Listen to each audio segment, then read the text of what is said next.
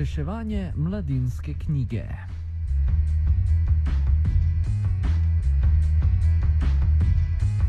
Družba skupaj za knjigo, ki jo je pred časom ustanovilo 12 posameznikov iz istoimenske inicijative ter predstavnikov različnih skupin z knjigotrškega in literarnega področja, je minuli četrtek oddalo nezavezujočo ponudbo za odkup večinskega deleža mladinske knjige. Kot je znano, se je naša največja založba minulo jesen znašla v nezavidljivem finančnem položaju in z visokim dolgom, njenim potencijalnim rešiteljicam pa se je s ponudbo za odkup pridružila tudi družba skupaj za knjigo. S tem želijo mladinsko knjigo kot glavnega akterja na domačem knjigotrškem področju na inovativen in transparenten način, kot zagotavljajo v družbi sami, ohraniti pri življenju. O odkupu mladinske knjige, ustroju družbe za knjige, njeni strategiji, preostalih ponudnikih za odkup, zadružništvu, položaju na domačem knjigotrškem področju in pomenu domače največje založbe, smo govorili s članom uprave družbe skupaj za knjigo Rokom Zavratnikom. Pogovor smo začeli opravkar o dani nezavezujoči ponudbi za odkup in vprašanjem, kdaj in kakšen odgovor pričakuje ponudnica od A-banke kot agentke bank upnic mladinske knjige. Pričakujemo pozitiven odgovor, zato ker ta projekt uh, podpirajo, bom rekel, uh, lobijsko rekel, da gre za javni interes in ima zelo močno podporo javnosti in številnih uh, pač in avtorjev in uglednih javnih osebnosti. Uh, odgovor pa pričakujemo ta teden. Družbo je ustanovilo 12 posameznikov iz različnih skupin, iz prej eh, istoimenske skupine, ki, inicijative, ki je že obstajala predtem. Zdaj, kako se v bistvu ta družba razlikuje od ostalih preko teh, eh, teh faktorjev na trgu, eh, verjetno že sama njena sestava je drugačna in pa tudi kak, kako se to pozna na njeni strategiji, verjetno je v vašem planu predvsem rešitev mladinske knjige kot take in pa zauzemanje za slovensko knjigo kot tako, kaj da? Ja, naš interes je zdaj sicer težko ločam, težko govorim tukaj v en glas, ker smo različni, uh, različni ljudje, združeni smo dejansko, tako bi rekel, založniki, knjigotržci, avtori, avtorice, a ne, društvo pisateljev vključeno in pa zaposleni mladinske knjige, torej srce programsko, uredniki in, uh, in tudi recimo temu strokovna, strokovna javnost. Uh, jaz verjamem uh, že dolgo, kot sam založnik, da ima, da ima ustvarjalnost na tem prostoru, že samo slovenskem prostoru, izjemen potencial, tudi širšega značaja. Uh, kot vemo, pa mladinska knjiga v bistvu deluje na, na, na vseh trgih bivše Jugoslavije, kjer je pa ravno tako, imamo, se srečujemo lahko z vrhunsko ustvarjalnostjo, ki je po razpadu Jugoslavije žal izgubila glas v mednarodnem prostoru ker nima, uh, bi rekel, neke prave podpore več, ta trg je nekako kulturni, recimo, razpadu, danes skoraj več vemo, kaj se dogaja v Londonu, kot pa v, v Sarajevo, recimo, ne. In uh, mladinska knjiga je lahko preprosto neke vrste avtocesta, kultur, zato da se ta kulturni pretok in tudi, seveda, ki ima tudi svoj tržni potencial, lahko ponovno spostavi med drugim. To je moj oseben pogled, sicer ki ni nujno usklajen z vsemi uh, kolegi.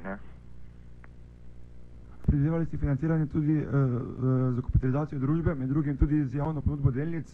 Verjamete, da je interes javnosti in pa zaupanje v ta vaš projekt uh, tako veliko, da boste pri tem uspeli in da bo ta dokapitalizacija uspela? Jaz to absolutno, jaz o tem ne dvomim. Mene bolj, uh, bom rekel, če, če, je, če me kaj skrbi, me ne skrbi, ker mislim, da denar je predvsem v takih velikih projektih stvar zaupanja. Mislim, da to zaupanje imamo. Uh, bolje vprašanje, če smo ga sposobni res tudi upravičiti, ne? ker to terja danes uh, premisleke, uh, kakršnih nismo vajeni, to terja nekaj, kar nam gre slovencem malo bolj težko od rok, to pa je res uh, odkrito sodelovanje, predpostavlja v bistvu sodelovanje različnih partnerjev, ki bi v nekih drugih okoliščinah lahko bili tudi konkurenti, in uh, predpostavlja v bistvu razvoj res prodornega razvojnega načrta, s katerim se bo lahko ne samo reševalo um, mladinsko knjigo, pač pa se bo lahko postopoma razvilo tudi ofenziven model, uh, kjer bo lahko, bom rekel, kvalitete, ki so v teh prostorih, nacionalnih in tako naprej, ustvarjalne in so na svetovni ravni prišle do izraza, tako in drugače. Odločili ste se za oblikovanje delniške družbe, zakaj morda niste razmišljali o kakšnih drugih povezavah, recimo v zadrugi, ne to, da gre za pač sestavo 12 različnih skupin, kot ste prej podarili? No, to vprašanje smo si res uh, sami zelo uh, uh, zastavljali in, in, ga, in ga v bistvu smo imeli veliko uh, debat na to temo, preučili v sodelovanju z številnimi izkušenimi odvetniki in ekonomisti. Zadeva je taka, ne, zadružniška zakonodaja v Sloveniji je, bom rekel, da, površna in velja za drugorazredno podjetništvo. Uh, zadružniško uh, delovanje, sploh pri prevzemu zadolženih podjetij, mi vemo, da ima mladinska, mladinska knjiga okrog 20 milijonov evrov dolga, ne, je uh, zelo tvegana. Zadružniška, poleg tega pri zadružništvu imamo ravno tako upravka, tako imenovano zasebno lastnino, samo da gre pač za drugačno porazdelitev. Uh, jaz uh, tisto, kar bom rekel, delniška družba seveda ima v sebi nekaj zelo glasnega, že samo po sebi uh, govori o tem, da gre za nekaj špekulativnega, nekaj, kar je bilo dejansko 20 let, predvsem pod oblika razno raznih kapitalskih zlorab in tako naprej. Mi pa smo v sodelovanju uh, z najboljšimi odvetniki, notarji in tako naprej razvili model, ki je pravzaprav zelo blizu uh, zadružniški, mogoče celo bolj uh, kot same zadruge to sicer marsikdo bo, bo skočil na zadnje noge, ampak mislim, uh, mislim da je statut uh, javno objavljen v registru, na, v sodnem registru in si ga lahko preberete, zakaj? Tega mnenja. Mi smo naredili zelo zaprt tip delniške družbe, kjer uh, manjšinski delničari v nobenem primeru ne more prikrajšani, uh, kjer uh, še tako velik investitor ne more prevzeti glasovalnih pravic, več kot višini 5 odstotkov. Skratka, ustvarjali smo precej unikaten model, zdaj gre pa res samo za, predvsem za vprašanje, ali smo zmo, zmožni uh, zaupanja in pa tudi v bistvu samo refleksije in vsega, da bomo sposobni ta model sodelovanja zdaj premakniti na viš, višjo raven. Ne? V ta namen organiziramo delavnice na temo razvojnega načrta, kamor pač vabimo uh, odlične strokovnjake iz raznih področjih, Eh, pred nami je možnost, da razvijamo resen model, ki bo prodoren in lahko uspešen celo v časih krize. In kot vemo, čas krize je, je tisti čas, ko, ko ljudje najbolj so pripravljeni sodelovati in se tudi smo prisiljeni iskati možnosti, na katere mogoče še nedavno nismo pomislili. Pri osnovanju strategije ste verjetno upravili tudi analizo, zakaj se mladinska knjiga znašla v položaju, kakršnem se je. Pa me zanima, je morda tukaj krivo pač eh, poslovanje bivšega poslovodstva ali so dejansko razmere na domačem knjigotrškem področju tako težke oziroma tako negotove, da so vplivali na ta položaj medijske knjige. V povezavi s tem imamo vprašanje, mislim, kako, kako vidite rešitev, da bo, da bo knjiga vendarle spet zaživela in delovala ja, uspešno ja. na tem področju. Mislim, torej, cel niz dejavnikov je, ne, uh, zakaj so zakaj je eh, mladinska knjiga v taki situaciji kot je.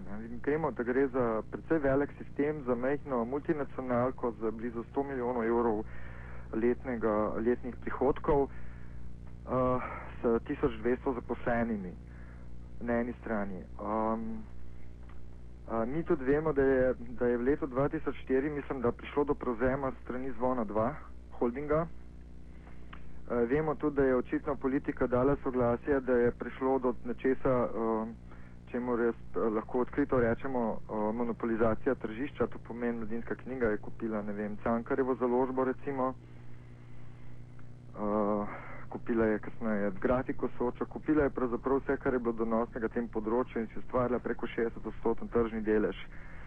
In no, nišče od nas, manjših založnikov, se ni upal protestirati, ker, uh, ker ker, ker eh, bi najbrž bili za to lahko zelo strogo penalizirani strani mladinske knjige, ker smo tako odvisni od nezaložnike, ne, ker ima pravzaprav vso knjigarniško mrežo skoraj v rokah, kajti da niso več knjigarne v pravem pomenu besede daleč od tega, to so bolj papirnice, ne, Da, da pač žal, skratka, po eni strani je šlo za združevanje v, v obliki pač nekih finančnih lastnikov, zvon 2, ki je tudi izčrpaval mladinsko knjigo, ne, do kakšne mere ne vemo še točno, ampak jo je izčrpaval, to so se pač, vemo, da je zvon dva potreboval denar zadnjega.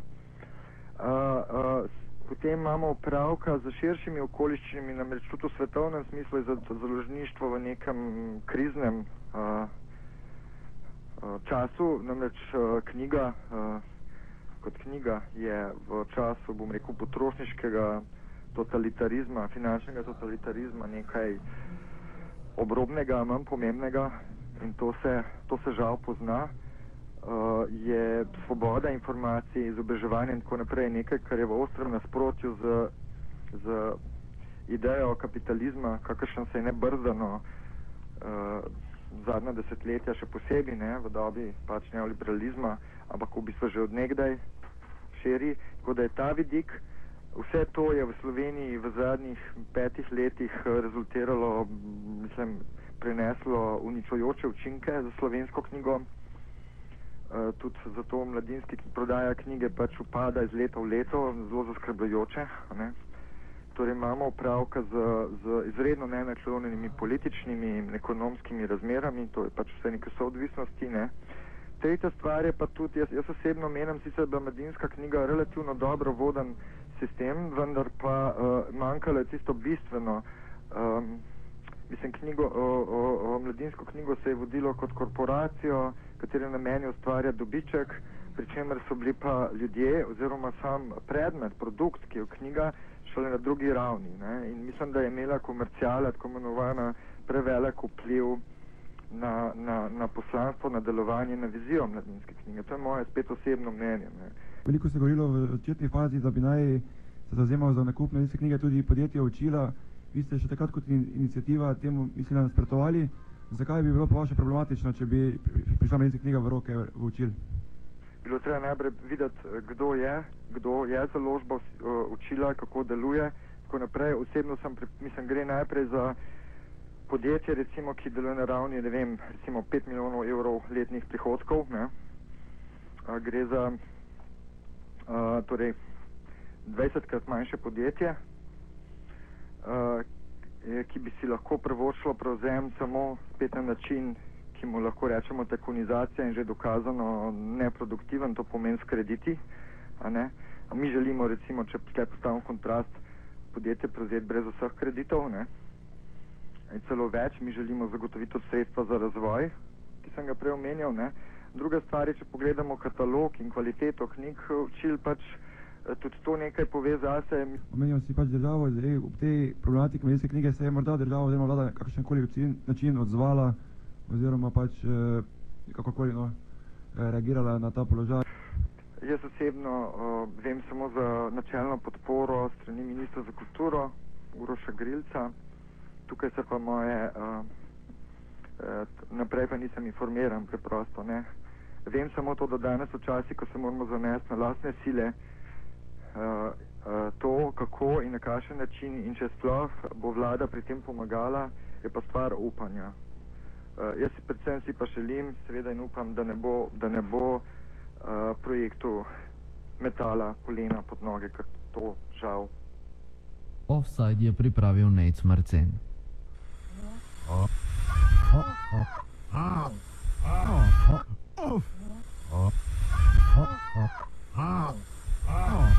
Offside.